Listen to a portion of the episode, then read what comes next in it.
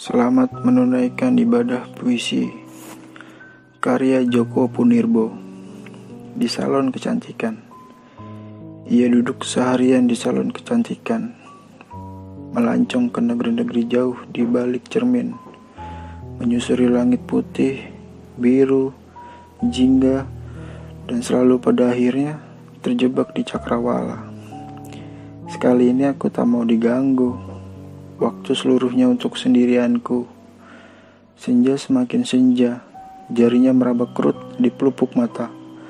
Tahu bahwa kecantikan hanya perjalanan sekejap yang ingin diulur-ulur terus namun toh luput juga.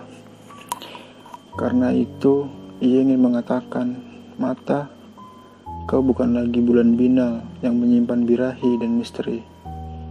Ia pejamkan matanya sedetik dan cukuplah ia mengerti bahwa gairah dan gelora harus ia serahkan kepada usia.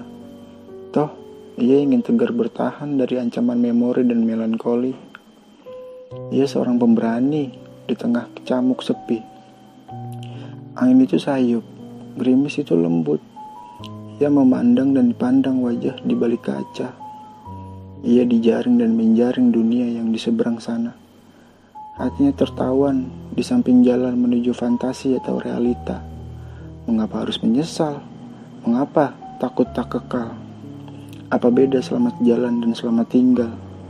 Kecantikan dan kematian bagi saudara kembar yang pura-pura tak saling kenal.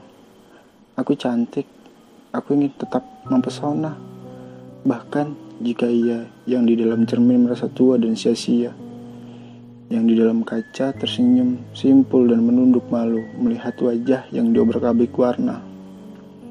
Alisnya ia tebalkan dengan impian, rambutnya ia hitamkan dengan kenangan, dan ia ingin mengatakan, rambut, kau bukan lagi pandang rumput ini kagumi para pemburu.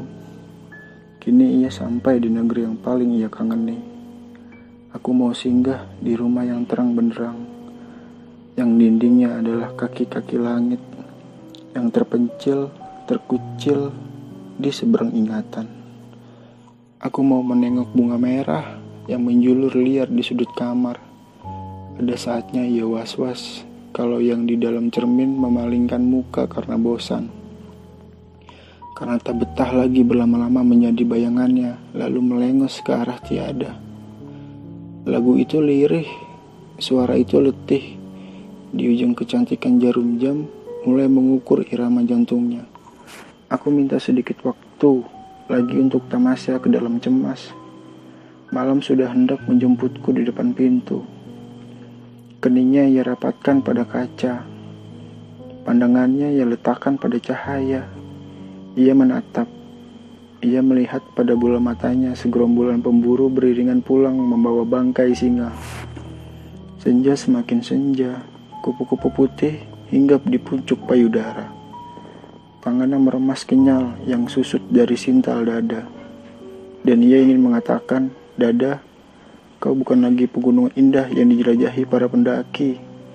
Ia mulai tabah kini, justru di saat cermin hendak merebut dan mengurung tubuhnya.